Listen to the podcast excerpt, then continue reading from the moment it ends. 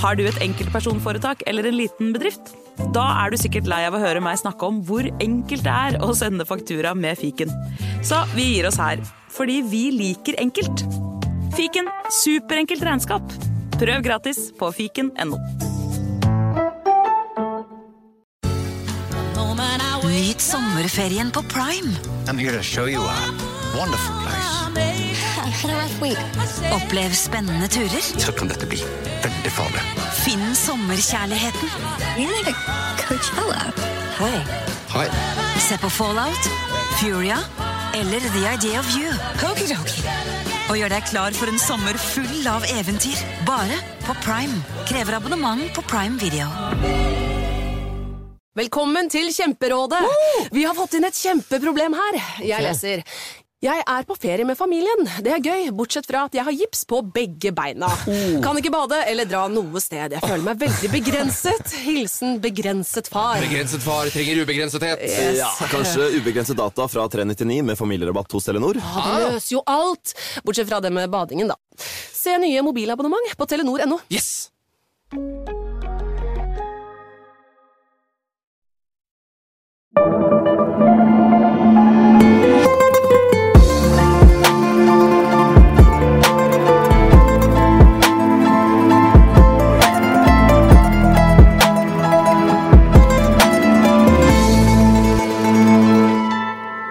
Hei og velkommen til en ny episode av Gangsterpodden. Mitt navn er Jim Fosheim. Og mitt navn er Morten Galaasen. Hvordan står det til, Morten? Jo takk, det er godt å være tilbake. Ja. Du, eh, du har jo spilt inn med noen andre i det siste. ja, jeg spilte inn eh, forrige episode med Ken Vasenius Nilsen. Du gjorde det?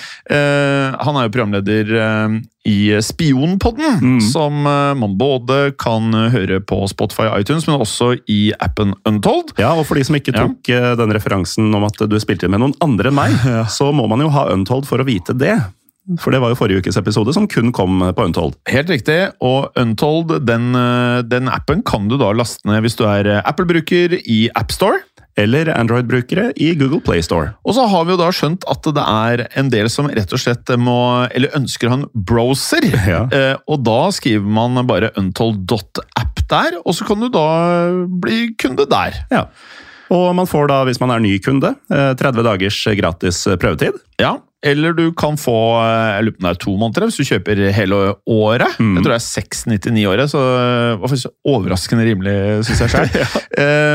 og der får du da Gangsterpodden, Historiepodden, Historiepodden andre verdenskrig, du får Spionpodden, True Crime-podden, Skrekkpodden, Synderne, Skrekk... Uh, Henrettelsespodden uh, Det er for mye til å ramse opp. Og Ja. ikke minst uh, Ukrainas turbulente historie, Ja. som vi spilte inn for snart et år siden, men som er like aktuell i dag. Ja, og det jeg kan si om utvalget på Untold, for ca.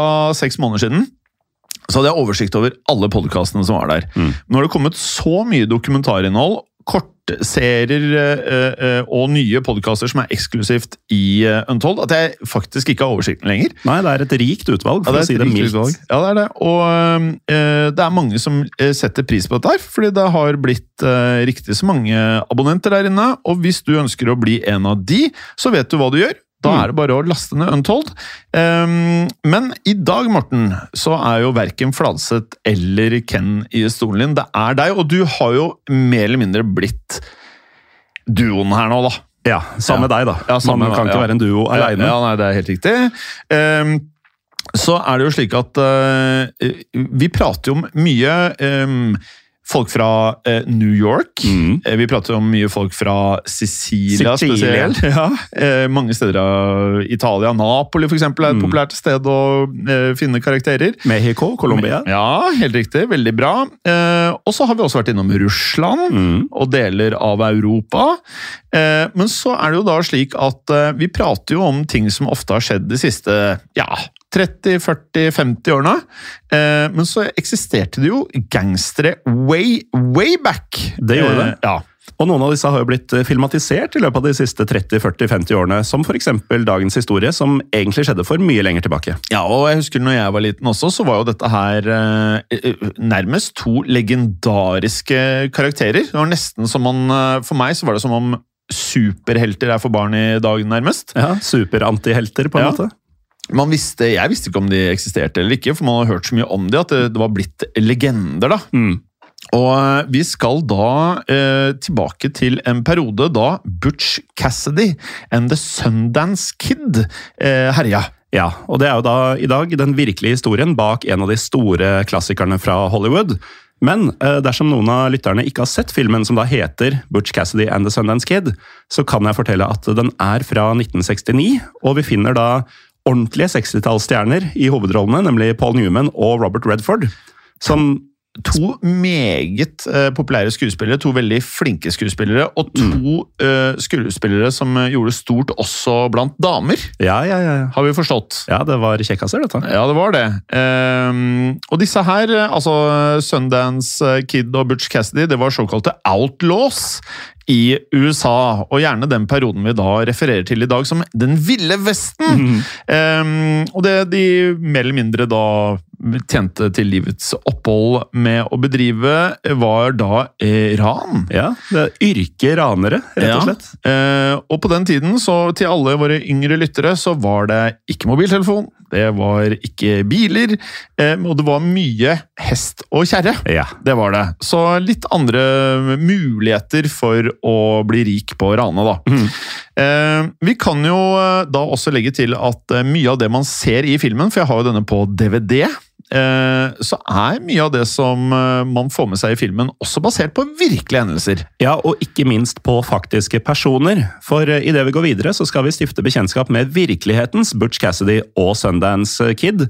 Noe som skal føre oss gjennom både USA og faktisk også Sør-Amerika. Nærmere bestemt til Bolivia, Bolivia, eh, som da Butch og Sundance på et tidspunkt eh, så seg nødt til å flykte til. For jeg tror de fleste tenker at det er Mexico som er det naturlige stedet. Ikke sant? Men før vi kommer til den delen av historien, så skal vi som vanlig starte med begynnelsen. Og vi starter da med å introdusere den eldste av dagens to hovedpersoner, nemlig Robert Leroy Parker. Som het noe helt annet enn det han ble kjent som, nemlig Butch Cassidy. Og siden han huskes best som Butch, så kan vi videre referere til han som Butch eller Butch Cassidy. Ja, og her eh, kan jeg rett og slett da starte med å legge til eh, fødselsdagen, som da var 13. april. Og til mange av lytterne nå, nå skal du få lov til å gjette hvilket århundre det er snakk om. Fordi at eh, jeg tror det er mange som tror at dette skjedde for lengre siden enn det det faktisk eh, er. Ikke sant? Det er ikke så mye før første verdenskrig, er ikke sånn egentlig. Eh, Og vi skal huske på at USA er jo ikke et veldig gammelt land heller. Mm. For er, eh, han ble født da 13. april 1866. Ikke sant? Så, eh, og da kan vi jo da nærmere bestemt bevege oss til delstaten Utah. Ja, og det er jo en stat som er særlig kjent for å ha mange innbyggere som er mormonere. Og familien til Butch de var intet unntak. Og mormonere da, det er en form for kristne som tilhører et kirkesamfunn som heter Jesu Kristi kirke av siste dagers hellige. Ja. Ikke noe småtteri i det. Og vi kan jo forklare litt kort om hva mormonisme er, Jim. Altså denne Jesu Kristi kirke av siste dagers hellige. Det er et kirkesamfunn som ble etablert formelt i 1830, og som har hatt hovedsete i Salt Lake City i nettopp staten Utah siden 1847. Ja, og de følger en eh, egen bok, altså eh, Mormons bok, som er minst eh, like viktig for dem som Bibelen. Og det som er litt spesielt her, er at grunnleggeren av denne religionen, altså en Joseph Smith, sa at en engel hjalp ham med å skrive denne Mormons bok. Ja, og denne engelen het da Mormon, som da forteller hvorfor boka heter nettopp eh, det. Og det er jo selvfølgelig mye mer til denne historien, men man kan jo enten lese litt om det selv, eller, min favoritt, se South Park-episoden, som handler om eh, mormonerne for en litt, eh, litt spesiell eh, variant, ja. kanskje. Det er i så fall sesong 7, episode 12, All About Mormons. Ja. Der er det i hvert fall morsomt. Vet du hvor man finner South Park nå? I hvert fall på Viaplay, tror jeg. Ja, ok. Mm. Jeg har lyst til å egentlig bare pløye gjennom alt, det. Det er jo kjempegøy. Eh, Men videre da, så kan vi også nevne at eh, mormonere er kjent for å legge svært stor vekt på eh, viktigheten av familie.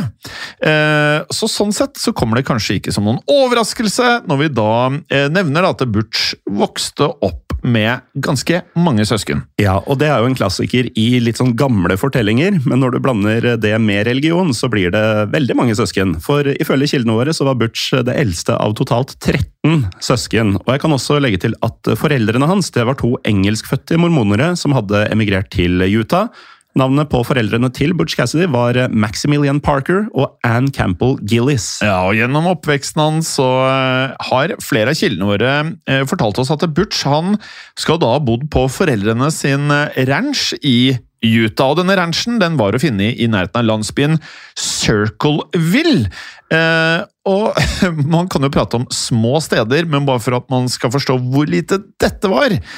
I 2010 så var det 547 innbyggere. Ja. Eh, og 13 av disse eh, var eh, tilbake i tid da søsknene i flokken. da. Men da Butch var 13 år, så måtte han forlate ranchen. For eh, da familieøkonomien gikk dårlig, så ble Butch eh, sendt av gårde for å tjene penger selv. Og for å tjene disse pengene, så endte han opp med å skaffe seg arbeid på andre rancher i lokalområdet. Ja, Mens Butch eh, fortsatt var eh, 13 år da, så fikk han sitt eh, aller første møte med lovens lange arm. For ved en av eh, ranchene som Butch hadde jobbet på, så ble han nemlig anklaget for å ha stjålet et par eh, bukser og, hør på dette her, en pai! Altså, det, det er gangster på den, dette her. Det kommer til å skje verre ting enn å stjele bukser og pai, men han er i hvert fall i gang, da. Og det er litt uklart nøyaktig hvordan dette bukse- og pai-tyveriet fant sted hjem, men vi har forstått det sånn at um, Butch hadde rett og slett tatt seg inn i en stengt butikk og tatt et par bukser. Um, men det er en liten misforståelse her også, fordi han skal visstnok ha lagt igjen en lapp hvor han uh, skrev at 'jeg kommer tilbake og betaler uh, seinere'. I owe you note. Ja, IOU, et gjeldsbrev, rett og slett. Men uh, butikkeieren han stolte ikke på dette brevet, og fikk da Butch uh, arrestert. Og han var jo da tenåring, uh, så han ble løslatt. Men uh, han begynte da allerede å få en forakt for autoriteter og for rettssystemet. Jeg kan jo skjønne butikkeieren. mm. For så, plutselig mangler man en Mac, en telefon og en klokke. Ja, Og så har en 13-åring skrevet en lapp om at ja, du får penger, altså. Ja.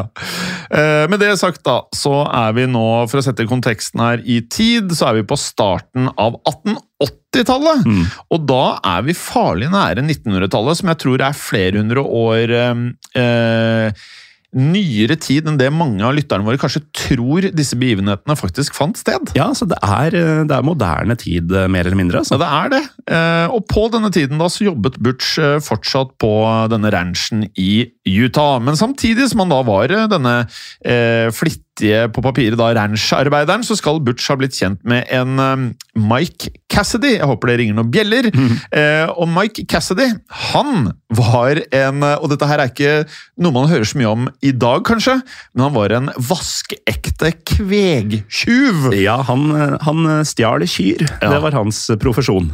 Det var profesjonen hans, og han endte jo da opp med å i praksis fungere som en slags mentorskikkelse for Butch. Ja, men Butch han bestemte seg deretter for å flytte til en by som heter Rock Springs i delstaten Wyoming, som er en grensestat til Utah der han kom fra.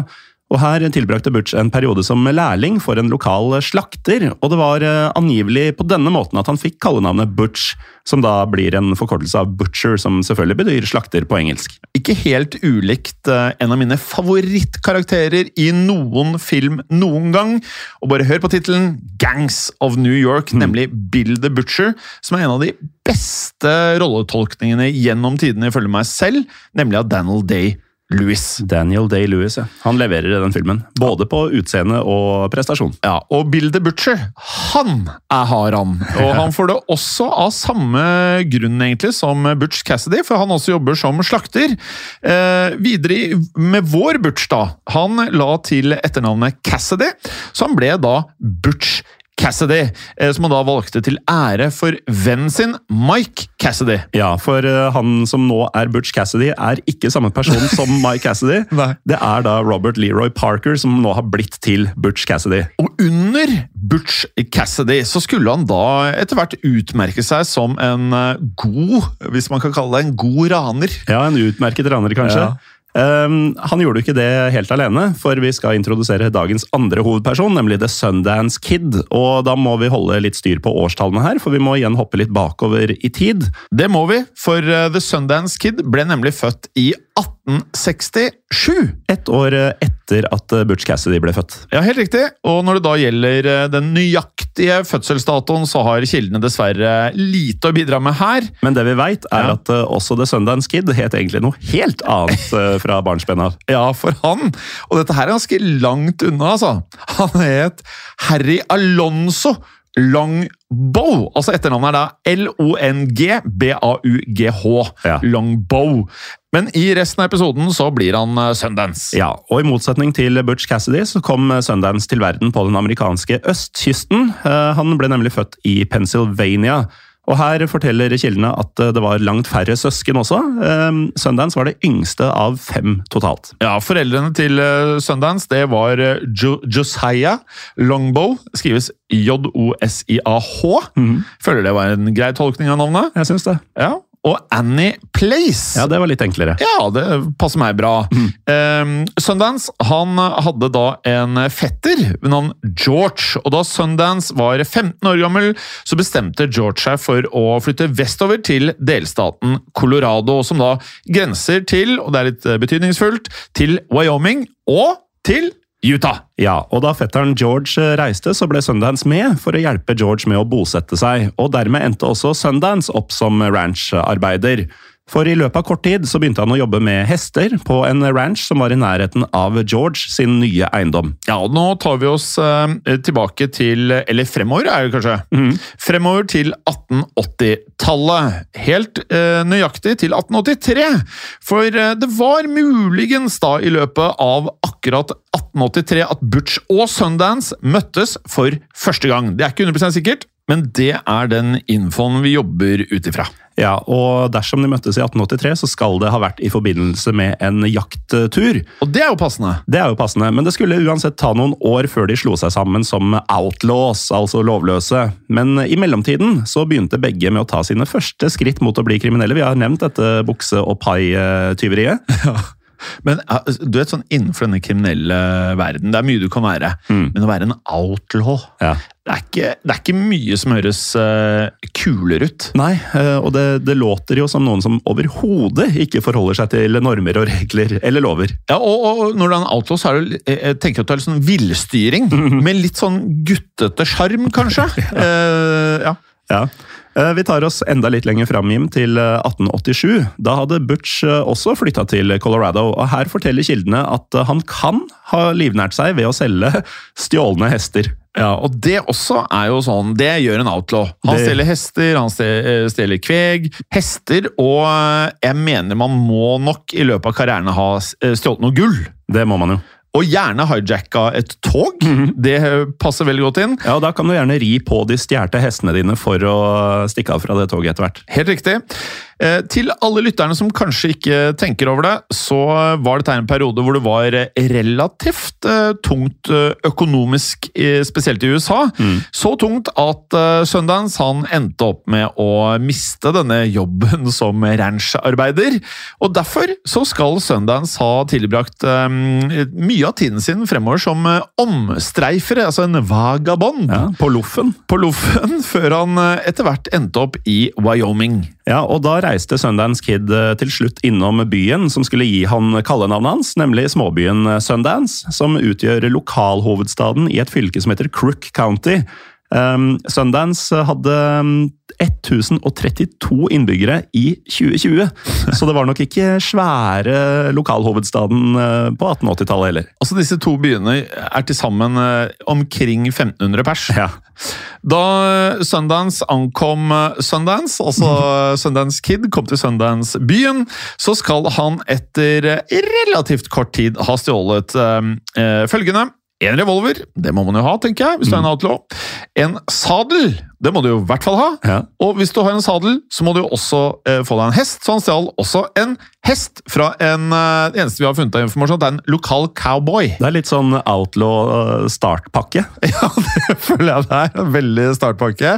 Og deretter så flyktet eh, Sundance Kid til eh, en annen delstat. Denne gangen så var det Montana, og det høres jo helt rett ut. Um, og her skal han ha blitt eh, pågrepet i en by eh, som heter Miles City. Heller ikke en som eh, man har sett på et kart nødvendigvis, der man eh, streifer etter Las Vegas og Los Angeles og San Francisco og mer kjente byer. Ja. Er ikke svære plassen dette heller. Og det var i løpet av dette fengselsoppholdet at Harry Alonso Longbow bestemte seg for å bli The Sundance Kid. Vi har ikke eh, helt kommet til bunns i hvorfor han ble The Sundance Kid, men eh, han ble nå en det. Ja, Det er nærliggende å tro at siden han hadde kommet fra Sundance, Ja. eh, at eh, han ble kalt det av f.eks. vakter og sånn, men eh, det får man bare spekulere i. Og så er han jo en eh, ungfole. Ja, han var vel eh, så vidt fylt eh, 20 i disse dager. Og så skal vi huske på at det, i mange av disse episodene, både i Gangsterpodden og Historiepodden og alt der vi tar for oss eh, ja, småkriminelle eller eh, ordentlige outlaws opp gjennom historien, mange av disse her lever jo ikke til til de er 30 en gang. Nei, nei. Og, eh, og når vi gjenforteller historiene, så høres det ut som de har levd eh, til de er 80. Ja, det er utrolig mye som har skjedd med mange i tenårene, for å si det sånn. Eh, uansett, da Sundance eh, satt fengsla i Miles City, så var Butch Cassidy for alvor i gang med karrieren som raner. For den 24. juni 1889 så gjennomførte nemlig Butch det som skulle bli hans eh, første bankran, og det skjedde i eh, småbyen Telluride i Colorado. Og nå skulle Butch eh, gjøre det man gjør som outlaw på denne tiden. Han skulle nemlig da rane den lokale banken. Og han var ikke eldre enn 23 år her, eh, Morten. Nei da, og dette er bare starten. Ja, det er, det er kun starten, og med seg så hadde han da tre andre outlaws. Og ifølge kildene våre så var det da snakk om eh, at to av disse var da brødre. Eh, og de hadde jo begge selvfølgelig det samme etternavnet, nemlig McCarthy. Ja, og tredjemann det var en annen venn av Butch, som gikk under navnet Matt Warner. Men ifølge kildene våre så hadde Warner egentlig blitt født som noe helt annet, nemlig Erastus Christiansen. Han var sønn av to danske innvandrere. Og idet vi da går videre, så er det viktig å få frem at Butch og de andre ranerne slo til mot banken i Tellurid uten at det dukket opp noe særlig med problemer. Så Butch og gjengen de kunne rett og slett da ta med seg byttet sitt og sette kursen mot eh, et relativt avsidesliggende skjulested, nemlig noe som blir referert til som Robbers Roost. Ja, Det er ganske selvforklarende, og det, det liker vi jo når det går inn i podkastene våre. Ja, Nå er det nok noen av lytterne som ikke er eh, veldig stødige i engelsk også, har vi skjønt. Nei, Men de skjønner nok at robbers betyr raneres. Ja.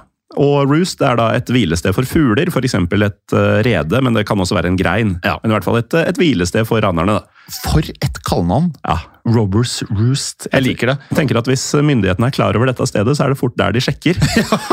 Men i hvert fall, i eh, Robbers Roost så kunne ranerne konstatere at de hadde fått med seg eh, 21 000 dollar. Det høres jo ikke ut som veldig mye når du har rana en hel bank, men i dagens penger så tilsvarer dette om lag 7 millioner kroner. Eh, Og da blir det jo delt på fire 1,75 millioner per raner. Ja. Og derfor så bestemte Butch Cassidy seg for å bruke sin andel på å kjøpe seg en egen ranch. Ja, og det skjønner vi jo. Han liker jo rancher, han. Og øh, selv om han ble en ranch-eier, så øh, skal han øh, aldri ha opplevd spesielt med økonomisk suksess innenfor denne ranch-driften. Nei. Og derfor så har det da også blitt spekulert i at ranchen hans egentlig var mer et skalkeskjul, om du vil, da, for mye av det ulovlige han skulle drive med fremover. En fasade. Ja, var en fasade, ja. Eh, noe som ikke er utenkelig, selvfølgelig. For Butch han eh, ble jo da arrestert for noe han allerede hadde drevet med, nemlig hestetyveri. Ja, men eh, vi retter blikket tilbake mot eh, Sundance, for eh, idet vi tar oss til 1891, så hadde han sluppet ut av fengsel, og han måtte jo da finne seg en jobb for å livnære seg. Og da Sundance gikk tilbake til å bli rancharbeider, så endte han opp med å jobbe i Canada. Og her så skal han eh, etter en tid ha blitt en av to medeiere av en, og dette er så western, en saloon i byen Calgary. Vet du hva jeg tror, Morten? Altså, Hadde man åpnet en saloon i dag, så tror jeg det kunne gått ok. Ja, det tror jeg også. Hvorfor ikke, på en måte? Nei, og du, Det hadde vært litt vanskelig å, å stenge for natta, da, for du måtte jo ha den der, de to tredørene som svinger inn og ut bare når folk går inn. Jeg har aldri tenkt over at uh, den må faktisk bare alltid være åpen. Ja. 24-7. Eh, jeg har nemlig googla bilder av Butch Cassidy og The Sundance Kid. Mm. Eh, jeg kan si det sånn at Butch Han ser ut som han heter Butch. Ja. Han er litt sånn grov i ansiktet, ser litt sånn eh, rensjete ut. eh, og Sundance, han, eh, i hvert fall noen av de bildene jeg har klart å finne, så har han bart, og han ser egentlig ganske sånn velkledd ut. En flott eh, type, egentlig. Ja. Eh, så noe forskjell sånn utseendemessig var det på disse to. Jeg hadde ikke gjettet at de to var et crew. Nei. Det hadde jeg ikke på bildene. Du nevnte Morten, at eh, det var to eh, medeiere av denne saloonen. Ja, og det skulle ikke bli noe eventyr, dette her. Nei, det skulle ikke det, fordi Sundance, han eh, lite overraskende kanskje da, kranglet med den andre medeieren, Mm. og forlot uh, fort da denne saloonbransjen. Ja. Og mange av disse gutta her kler vel mer å være kunder enn å kanskje uh, eie det. Det tror jeg. Og i løpet av eh, tiden fremover så tjente han eh, penger på å stjele hester. Det var eh, litt sånn der grunnleggende måte å tjene til livets opphold på, det. Ja, jeg, før vi la inn episoden her, så tenkte jeg var mest kveg. Mm. Jeg trodde det var enklere at de bare var på slettene, liksom, og bare ta, ta noen av de, på en måte. Ja, og det er litt sånn at man føler at kvegtyveri var noe av det simpleste Ja. og kjipeste du kunne gjøre. Ja. Men kanskje er hestetyveri eh, minst like ille? Fikk nok sikkert mye mer, ikke sant? De er raske, raske dyr. Er det datidens eh, biltyveri? Ja, altså det er, eh, det er en Lamborghini. ja. Um, og dette gjorde, uh, ifølge kilder som vi har funnet, at uh, han uh, opererte faktisk da helt i grenseområdet mellom USA og Canada, som igjen var litt overraskende for meg, for jeg trodde mye av dette var nedover mot Mexico Ja. og de områdene der. Ja. Ja, Vi skal jo lenger sørover seinere, men den tid, den sorg, for eh, nå tar vi oss til 1892. Og da fikk eh, Sundance angivelig større forbrytelser på CV-en. For i løpet av dette året så ble han mistenkt for å ha deltatt i eh, det vi refererte til i stad, som det måtte jo komme, et togran.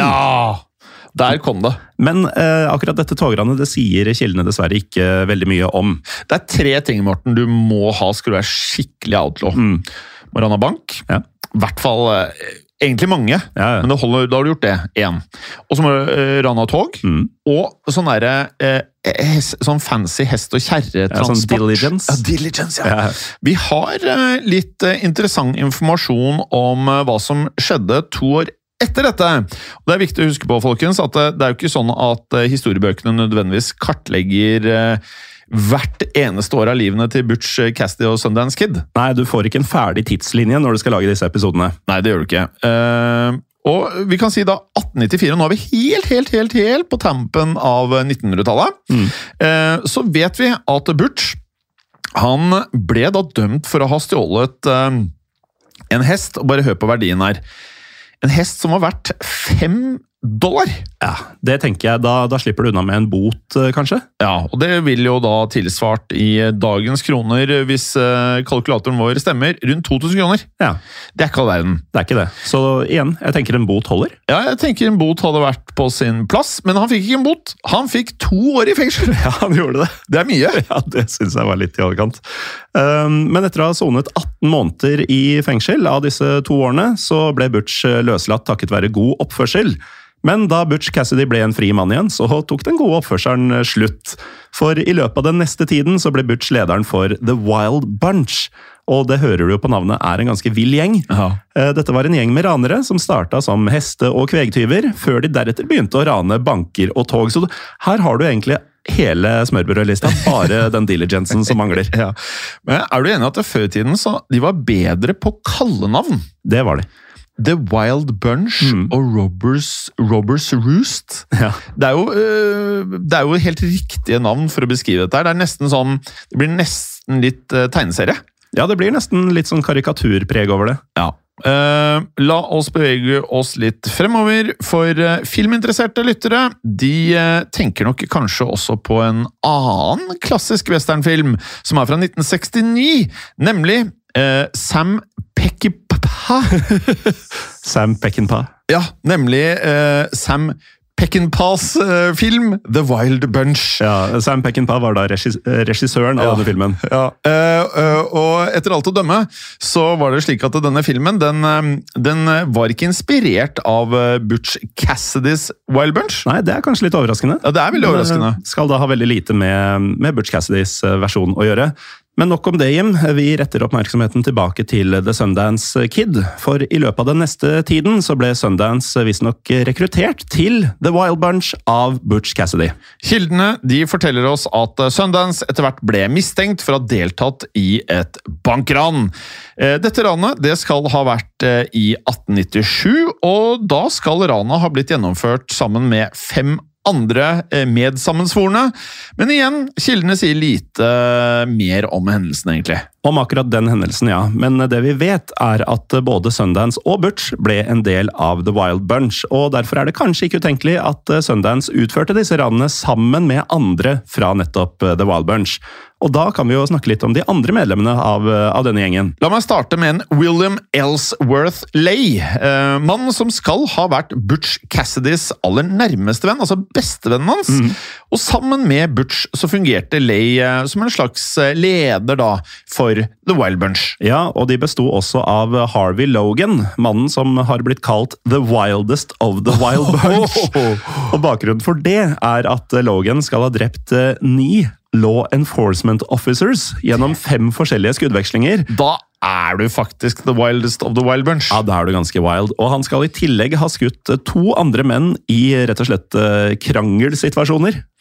Altså, da er du Da, da bruser du ikke bare med fjæra. Nei, da er, du, da er det walk the walk. Ja, du er faktisk det.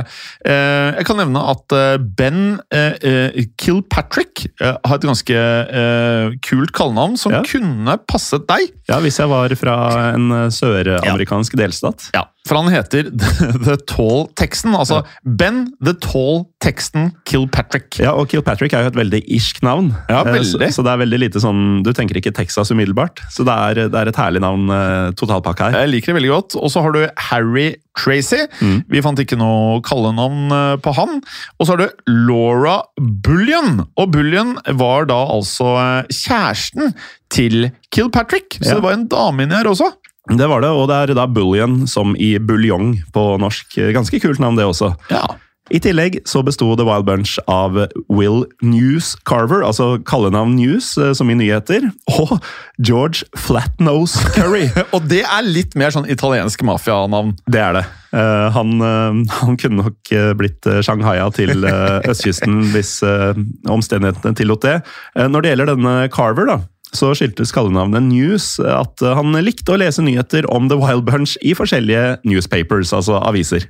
Og i Flatnose Curry sitt tilfelle så forteller kildene ikke nødvendigvis hvorfor han fikk kallenavnet sitt. Men det trenger vi heller ikke, føler jeg. Nei, han hadde nok en flat en. Kanskje var brukket. Ja. Fått slått den inn med kanskje enden av pistolen eller et eller annet sånt. Ja, det, Han hadde nok en flat nese, det Ja, vet vi. ja, han- uh, Det er vite lov å si det. Det er lov å si det. Uh, vi kan jo da nevne at eh, The Wild Bunch de begynte nå å gjennomføre en serie med ran. og um, History.com, denne nettsiden, den beskriver hvordan The Wild Bunch opererte. The Wild Bunch utvikla en fremgangsmåte for å begå disse forbrytelsene, som innebar å gjøre rekognosering på stedet de planla å rane, samt å gjemme forsyninger og ekstra hester langs den tiltenkte fluktruta. Men selv da om eh, denne Harvey Logan utmerket seg for å ha skutt både sivile og sheriffer, så hadde Butch Cassidy en langt mer eh, avslappet eh, tilnærming til det hele. For Cassidy han skal gjennom 1890-tallet ha vært svært beryktet da, for å ha utført ran gjennom hele området som han refererer til som Ville Vesten, egentlig. Ja, og det er jo en kjent sak, men eh, det neste som kommer er kanskje litt mer overraskende. Ja, for han var, ikke, han var ikke kjent for overdreven eh, vold, og heller ikke overdreven våpenvold. Nei. Og det hadde jeg kanskje trodd. Mm. Kanskje man skulle ønske det, bare for at uh, legenden skulle blitt større, da. Ja, eh, sånn Den ekstremt voldelige Cassidy fins egentlig ikke. Nei, men eh, og det, da er vi tilbake til eh, noe av det jeg sa med sånne outlaws. da, at eh, Og mange av mafiaene vi har hatt opp gjennom her i Gangsterboden, mange av de har liksom glimt i øyet. Eh, og det her er liksom viktig å få frem, da. For når Cassidy ikke ja, rana banker, stjal hester eller kveg eller annet, eh, så var han faktisk ansett som en vennlig person. Ja, Eh, og han skal ha et rykte på seg for å ha vært svært hjelpsom.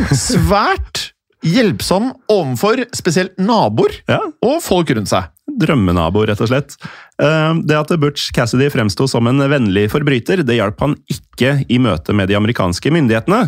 For i tråd med at eh, ranene til The Wild Bunch hopa seg opp, vi nevnte jo at de begikk en hel serie her nå, så ble jo gjengen naturligvis også mer og mer ettersøkt. Ja, Derfor så skal en gruppe med kan vi kalle det lawmen, da, altså lovmenn. Ja, Som da gjerne er sheriffen og deputies og medhjelperne til sheriffen. Helt riktig. Eh, Og disse lawmennene da skal på et tidspunkt ha klart å spore opp noen av de andre i eh, gjengen. Ja, vi vet ikke hvor mange lawmen det var snakk om totalt, men eh, ifølge kildene våre så var Sundance Kid ett av medlemmene som dermed havna i en skuddveksling for å forsvare seg. Ja, Det er litt viktig akkurat dette her med at vi bruker begrepet lawmen, for eh, før i tiden, så, som man har sett på mye westernfilmer, så var det ikke uvanlig at sheriffen ba om frivillige i byen, eller at pengefolk som vil, vil bli kvitt eh, outlaws, rett og slett tilbød sivilbefolkningen et par dollars eh, ekstra for å kunne være med å fange eh, kvegtyver og det som måtte være. Ja, nettopp. Og i denne skuddvekslinga så skal Sundance angivelig ha klart å såre to av motstanderne. Noe som kanskje ikke var overraskende, for eh, Sundance han var eh, svært dyktig med skytevåpen. Han var det, og eh, vi kan jo legge til at eh, det å være dreven er jo én ting, at du har mye erfaring og du vet liksom hvordan du skal posisjonere deg, akkurat som eh, i et eh, Ja, om det er eh, sjakk eller om det er fotball. Du må ha rutine, du må liksom kunne lese motstanderen din. Men han skal ha vært eh, blessed with eh, som eh, ja, noen sånn natural gifts også. Altså, Han skal ha vært svært rask på avtrekkeren! Ja.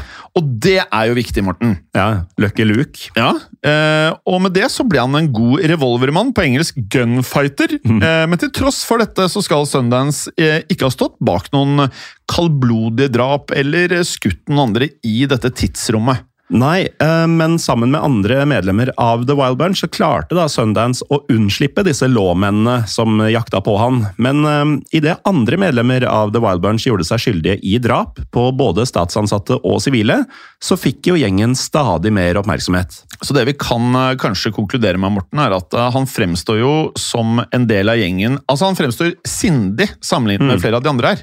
Ja, Butch og Sundance virker ikke som de aller villeste i denne ville bunchen. Nei, men dette hjalp jo ikke, for det ble til slutt utlovet en meget høy eh, dusør, nemlig på 30 000 dollar.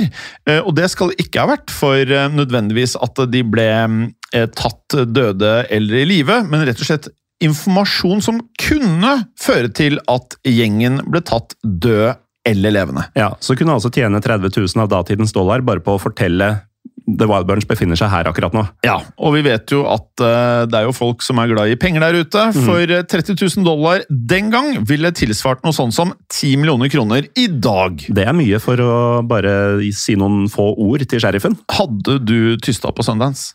Det, Eller Butch?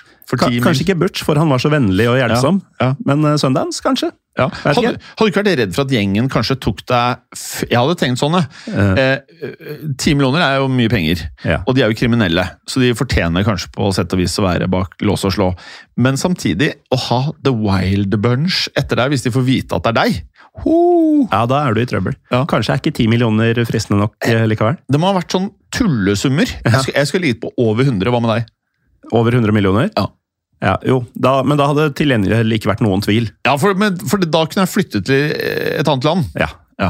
For eksempel Bolivia. Ja, for, Eh, uansett, det var ikke enkelt å finne ut hvor The Wild Bunch eh, skjulte seg, til tross for denne dusøren som var utlova. For um, samtidig som gjengen rana både banker og tog, så slo de til i flere forskjellige delstater.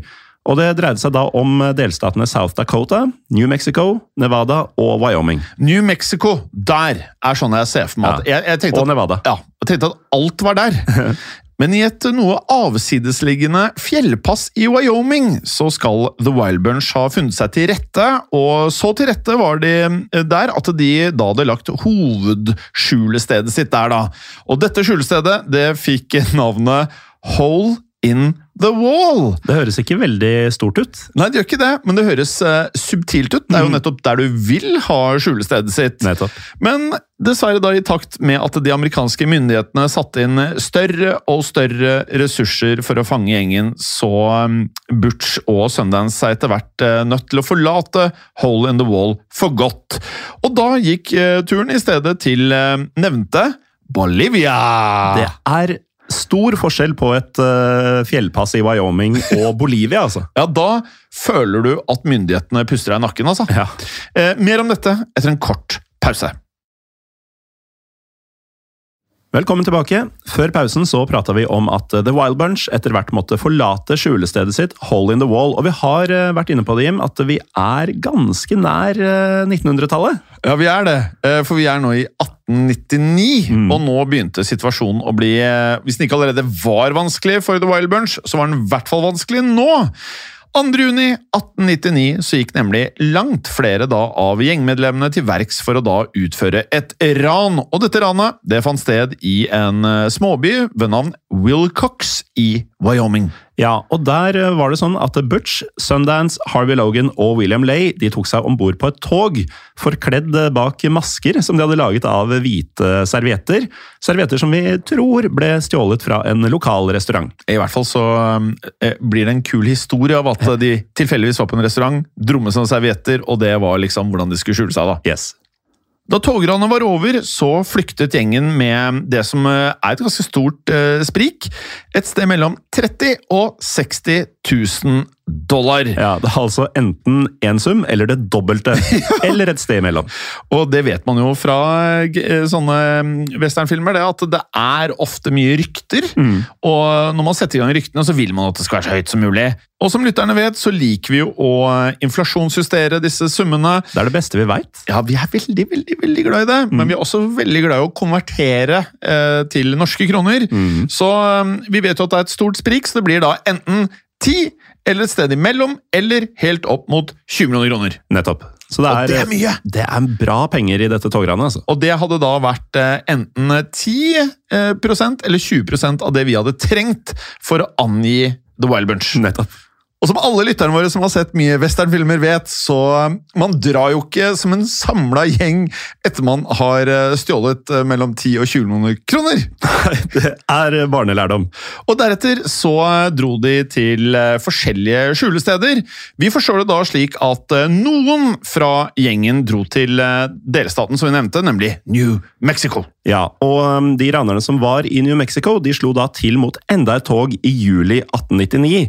Her er det uklart hvem som deltok i dette ranet, men vi vet at Butch Cassidy ikke var til stede. Og de er så tøffe! Eh, likevel så forteller kildene at Butch sin eh, nære venn, altså denne William Lay, skal da ha vært blant ranerne som gikk til verks her. Og i kjølvannet av dette togranet så havnet Lay og de andre ranerne som var med han, i en eh, ganske heftig skuddveksling mot den lokale sheriffen ved navn Ed Farr. Ja, og den lokale sheriffen Ed Farr han ble skutt og drept, eh, men det endte likevel med at eh, både at Lay ble såret og pågrepet av Farrs eh, deputies. Altså Vi snakka om disse mm, uttrykkene tidligere. Det er da sheriffens medhjelpere eller stedfortredere. Og dermed mista The Wild Bunch en av lederne sine. Vi kan jo si at eh, det å ta en låmann av eh, dage Ja, Det er jo en type ting du forventer at det ender med henging, f.eks. Ja, man forventer det, men Lay han ble satt i fengsel eh, kun frem til 1906, og det er ikke mange årene, Nei. for eh, da ble han nemlig benådet. Ja, så sju år før du blir benåda etter å ha skutt og drept en sheriff. Ja, og du har rana tog, og du har gjort masse annet. Ja. Um, og deretter så pensjonerte Lay seg fra forbryterlivet, før han skaffet seg en jobb og også stiftet uh, familie. Det er jo kanskje det nærmeste du kommer å gi deg mens leken er god. Ja, det er nesten overraskende. Det er jo sjelden vi møter på denne typen. Men uh, han døde da i 1934. Ja, Apropos nyere tid, nå er vi i mellomkrigstida. Ja, da det- levde faktisk William Lay. Altså, Det er så vanvittig at uh, dette her er Ville Vesten, men det eh, det er i, i samme epoke som når du har stridsvogner i Europa. Ja.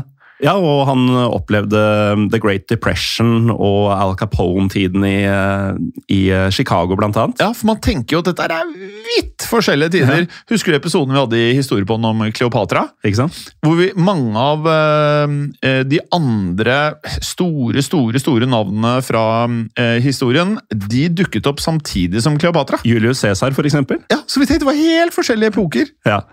Men eh, da Lay ble arrestert, vi nevnte jo at eh, han var en nær venn, kanskje den aller beste vennen til Butch Cassidy, så Butch eh, det gikk hardt inn på han. Og i tiden etter pågripelsen til Lay så forsøkte Butch angivelig å søke om amnesti fra myndighetene i Utah. Ja, Og for de som ikke vet hva amnesti er, Morten Ja, Det er da fritak rett og slett for tiltale eller straff. Altså Han ville ha, ville ha kompisen sin benåda. Mm. Men dessverre for Butch så ble disse forespørslene imidlertid avslått. Kanskje ikke så overraskende, egentlig? Nei, det mest overraskende her er jo at han faktisk ble benåda etter hvert, i 1906. Men Ja. det hadde ikke noe med disse forespørslene å gjøre. da. Jeg kan jo legge til at um, Noe av grunnen til at forespørslene ble avslått, det var rett og slett uh, at uh, Harvey Logan, også kjent som denne The Wildest of the Wild Bunch, han begikk noen av drapene sine i samme tidslinje. Ja, og I tillegg så ble det også gjort vanskeligere å få amnesti, ettersom The Wild Bunch fortsatte å gjennomføre flere ran. Så de gjorde seg ikke noen tjenester da, når de skulle ta opp ting juridisk. For i august 1900, 1900 så utførte nemlig Butch, Sundance, Logan og denne William News Carver enda et togran. Og dette ranet det fant også sted i Wyoming, men her forteller ikke kildene hvor mye penger eh, de kom seg unna med. Ja, Nå eh, hopper vi jo litt frem og tilbake i tid her, i og med at vi prater om forskjellige personer. Nå skal vi til september 1900, blank altså! Eh, der har vi noen håndfaste tall å gå på, for i Yes. løpet av denne måneden sto nemlig den samme gruppen bak enda et ran. Denne gangen så var målet den lokale banken i småbyen Winnemucca, som da ligger i Nevada. Det er bare småbyer. Ja, det er bare eh, småbyer og, og, og, og mye rare navn. Winnemucca- Det her skrives E W-I-N-N-E-M-U-C-C-A. Winnemucca. Ja. Og da ranet i Winnemucca var eh, overstått, så hadde ranerne kommet seg unna med ca. 30 000 dollar, som vi eh, i stad lærte var ca. 10 millioner kroner i dag. Er du enig, Morten, at når vi går inn i disse historiske kildene, da, Mm. så er det veldig ofte at Sånn som her prater man om 30 000 dollar. Det hadde ikke overrasket meg om det faktisk var sånn at noen sa at det var opp mot 60 der også, Nei. men så har eh, historiebøkene bare Ja, nå var det 30. Ja. Det virker litt vilkårlig iblant, mm. når det er nøyaktig og når det er cirka. Men eh, uansett, i løpet av de neste månedene så Butch og Sundance seg nødt til å flykte fra USA, noe som bidro til at gjengen deres, eh, The Wild Bunch, omsider gikk i oppløsning. For ettersom de nå hadde utført en rekke både ran og drap, så bestemte amerikanske myndigheter seg for å engasjere The Pinkerton National Detective Agency. Og for alle som har sett westernfilmer, så vet du at eh, eh, det var ikke nødvendigvis eh, Sjelden at The Pinkertons var involvert i å ta tak i uh, Outlaws, altså. Nei, men hva var det de drev med? Pinkerton det var rett og slett et uh, byrå uh, som ble stiftet på slutten av 1850-tallet. og De ble kjent da for å jakte på lovløse og for å bidra med privat sikkerhet for bl.a.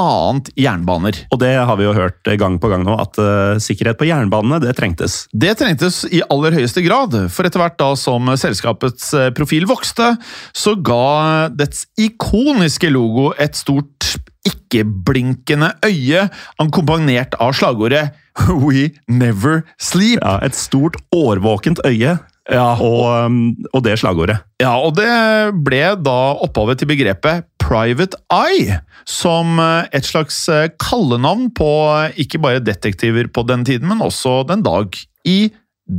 Og det er en skikkelig nugget av informasjon. Ja, absolutt. Og en annen nugget av informasjon, Morten, er eh, en av mine favorittwesterner, kan kalle det gåstegn moderne, med Russell Crowe, som heter 310 to Yuma.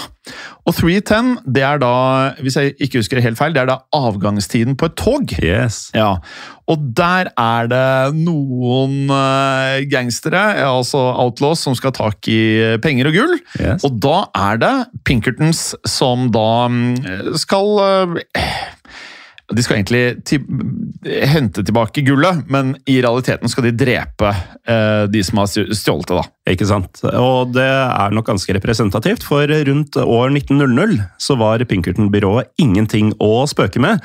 De kunne nemlig på den tida skilte med hele 2000 fulltidsdetektiver og 30 000 såkalte reservedetektiver. Og det betydde at eh, Pinkerton-byrået hadde flere menn enn den daværende amerikanske hæren. Altså, Vi er i 1900. Husk at eh, første verdenskrig og andre verdenskrig er ikke langt unna. Datidens USA hadde færre enn 30 000 profesjonelle soldater i 1900. Så kan vi legge til at uh, det er ikke noe man eh, nødvendigvis finner så mye av i uh, kildene, men uh, det er ikke samme type Du leter ikke etter hull i CV-en når du søker jobb i Pinkertons. Du leter heller ikke nødvendigvis etter om du har gjort ja, tvilsomme ting i fortiden din. Nei. Er du god med revolveren og tar imot mot ordre, så kunne du få jobb. Ikke sant? Og For å da unnslippe disse mange mange, mange, mange Pinkerton-detektivene som da jaktet på dem, så bestemte Butch og Sundance seg for å reise fra USA. Tidlig i 1901 så forlot dermed Butch og Sundance eh, sammen med Sundance sin kjæreste Etta Place, eh, USA. Og da tenker man eh, naturligvis først og fremst Mexico. Ja. Men turen gikk først til Argentina. Og her forstår vi det slik at Butch og Sundance kjøpte opp en jordeiendom under falske navn, og deretter begynte de å livnære seg gjennom kvegdrift. Ja, Vi har jo en annen podkast hvor vi prater om uh, veldig mange som uh, drar fra ett land til Argentina. Ja. Eh, Riktignok folk som er glad i sauerkraut, de her, da. Men eh, tilbake til historien vår. Vi skal til 1904, for da begynte Butch og Sundance eh, for alvor å Altså, de begynte å bekymre seg veldig da for at eh, Pinkerton eh, hadde klart å spore dem opp. Og dermed så bestemte Butch og Sundance seg for at nå måtte de lenger unna. Ja. Eh, de solgte kveget, og da dette var gjort, så forlot de ranchen i Argentina, og turen gikk da videre til Bolivia, der Butch og Sundance skaffet seg jobber innenfor eh, hva vi kan forstå gruvedrift. Ja, for ifølge kildene så begynte de nemlig å arbeide i en gruve som het Concordia. Concordia. Og denne gruva den var å finne i mm, sørøst for Bolivias hovedstad La Paz. Derfor reiste Butch og Sundance flere ganger innom hovedstaden. Men samtidig som de reiste rundt i Bolivia, så falt Butch og Sundance eh, tydeligvis tilbake til gamle synder. Og i løpet av de neste årene så skal da Butch og Sundance ha stått bak eh, mange ran. Eh, disse ranene de omfattet både tog, banker og nå Endelig! Ja, det første bekreftede vogntransportranet, så vidt vi vet. Eh, noe som etter hvert gjorde da at eh, alarmen eh, selvfølgelig gikk hos eh, de bolivianske myndighetene. Ja, og da Pinkerton-byrået advarte bolivianerne om at Butch og Sundance befant seg i Bolivia, så begynte nettet å snøre seg sammen rundt dem igjen. Men idet vi tar oss til den 4. november 1908, så gjennomførte gutta likevel nok et ran. Ja, de, et, de, altså, fordi nå har de jo tjent penger, altså og de har sikkert levd det glade liv, altså, for, mm. for alt vi vet. Eh, De har jo det. Men eh, det virker også som at dette her blir en livsstil.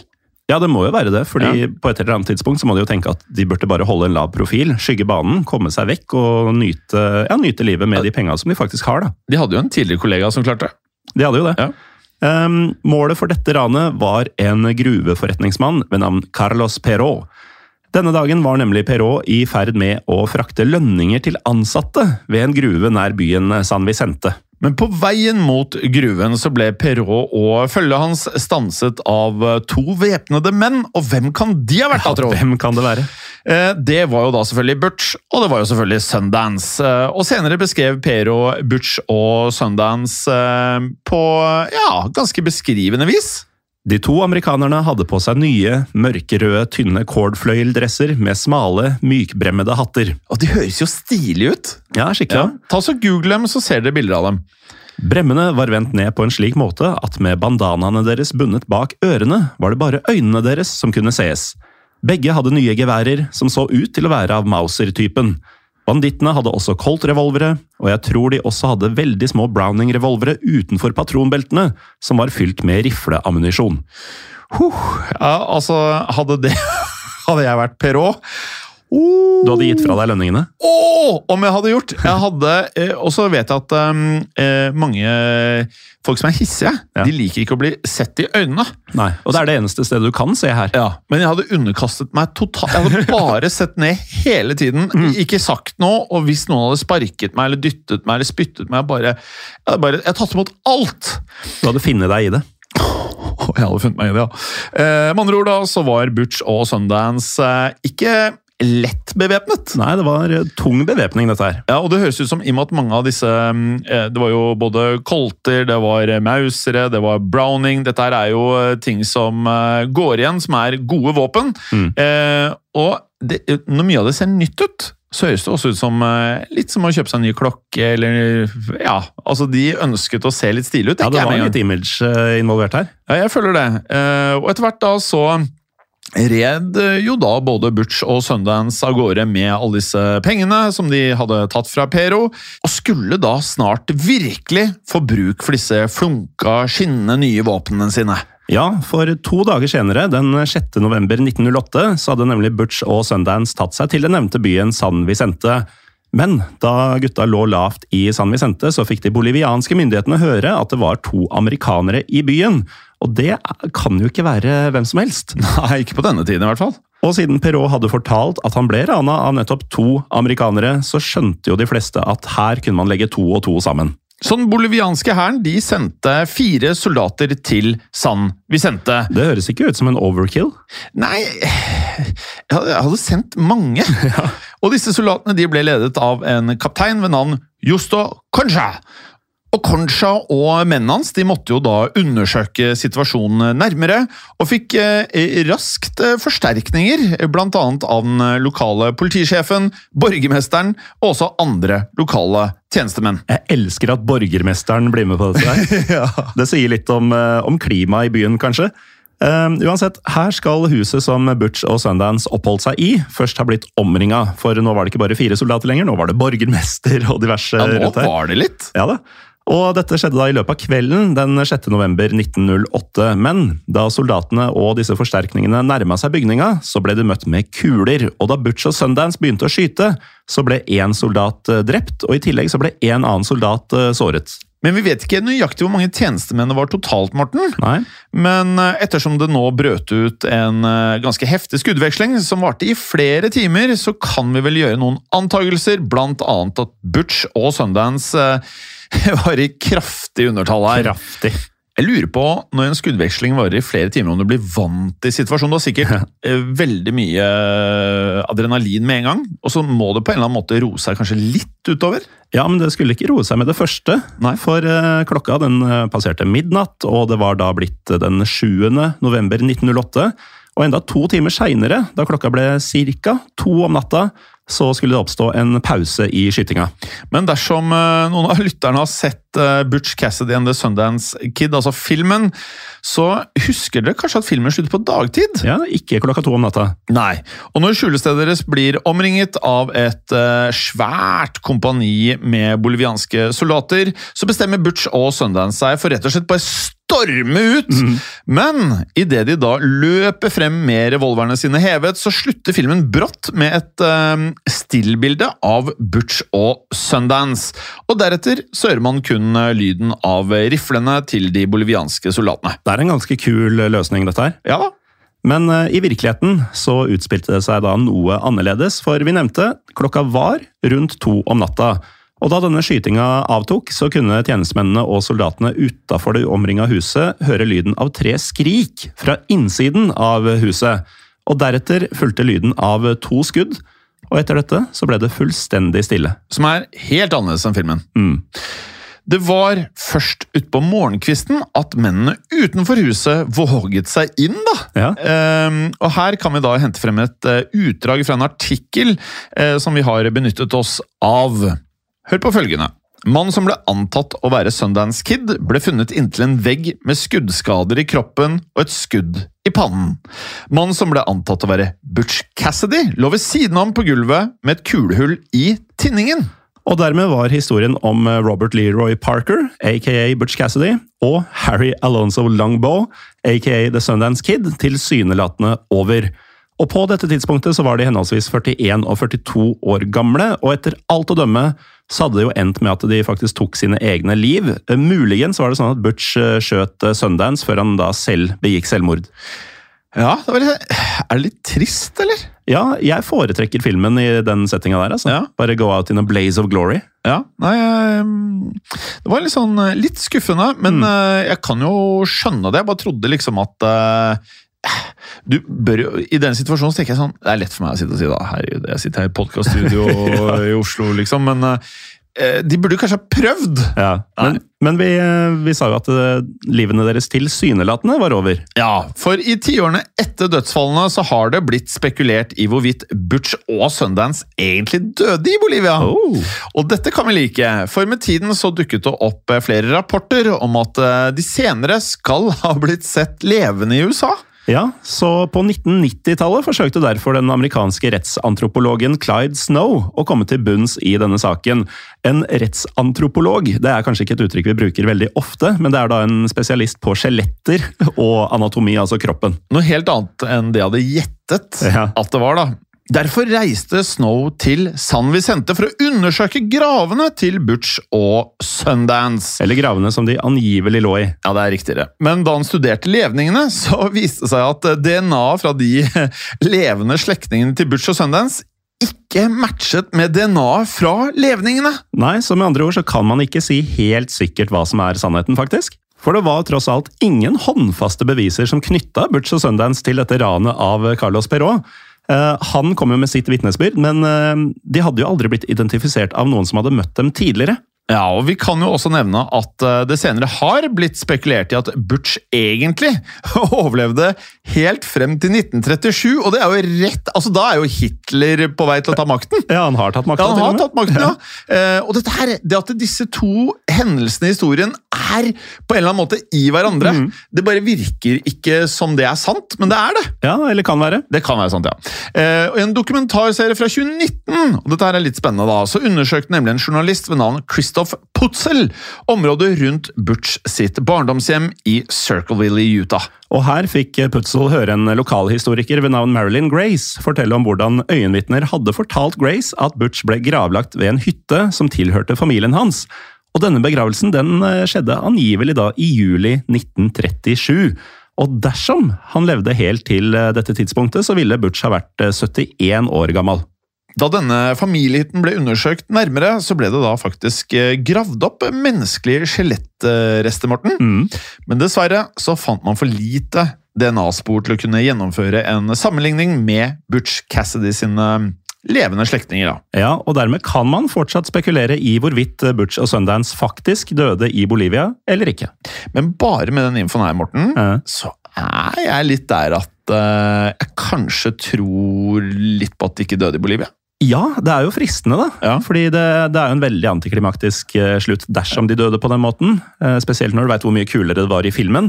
Så um, enhver mulighet for at de ikke eh, tok livet av hverandre og seg selv i den hytta i eh, Bolivia, den eh, klimrer jeg meg fast i. Ja, Så vi har to alternative avslutninger til dagens episode. Og det er alltid litt gøy. Ja, det er greit. Eh, dagens gangsterlåt, Morten, er Eh, Bankrobber, ganske beskrivende, av bandet The Clash. Ja, og den eh, legger vi rett inn i eh, spillelisten vår på Spotify, som heter eh, Gangsterpodden. Ja, Så når du søker på Gangsterpodden i Spotify, som du kanskje har gjort når du hører på denne episoden, så er det da ikke podkasten, men spillelista som du Ja. finner disse låtene i. Ja. Eh, og med det, igjen til alle som ønsker å høre alle episoder av Gamesboden, de kan du høre på Untold. Yes, og Android-brukere som meg kan laste ned Untold-appen på Google Play Store. Og er du Apple-bruker, så er det selvfølgelig på Apple Store. Ja, og vil du ikke gjøre noen av delene, så kan du gå inn på untold.app i nettleseren din. Ja, og Har du ikke testet det før, så er det slik at første måneden den er jo gratis. Så Mm. test det ut, og er det ikke noe for deg, så er det bare å avslutte abonnementet. Ja, men aller helst eh, sign opp eh, for et år. Ja, og det er jo sånn at det hjelper oss enormt. Det hjelper oss i å kunne fortsette å lage alle podkastene vi er med i, så det settes veldig pris på. En annen ting som settes pris på, er alle som kommer med hyggelige tilbakemeldinger på Instagram og på Facebook. Og der har vi jo en Facebook side da, hvor vi har samlet alle de historiske podkastene som heter Historie for alle. Og så har vi jo da eh, muligheter for å ta imot eh, ratinger på Spotify og på Apple sin podkastspiller. Helt riktig. Og da er det bare én ting til å si til deg, Jim. Ja. Jeg vil ikke at du skal sove med fiskene. Men hold det gangster, da! Ja, gjør det. Ja, gjør det. Ha det. det er bra.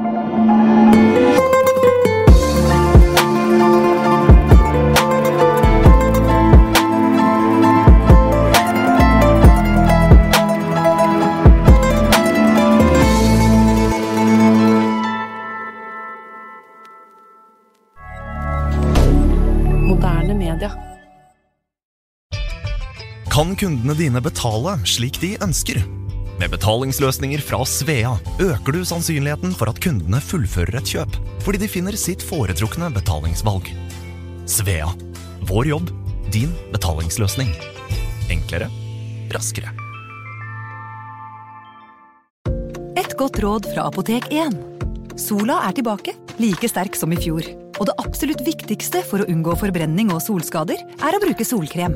Hvis du i tillegg bruker et serum med vitamin C under solkremen, kan dette bidra til ytterligere å forebygge ujevn pigmentering, linjer og rynker. Kom innom og få råd på ditt nærmeste Apotek 1, eller chat med oss på apotek1.no. Apotek 1. Vår kunnskap, din trygghet.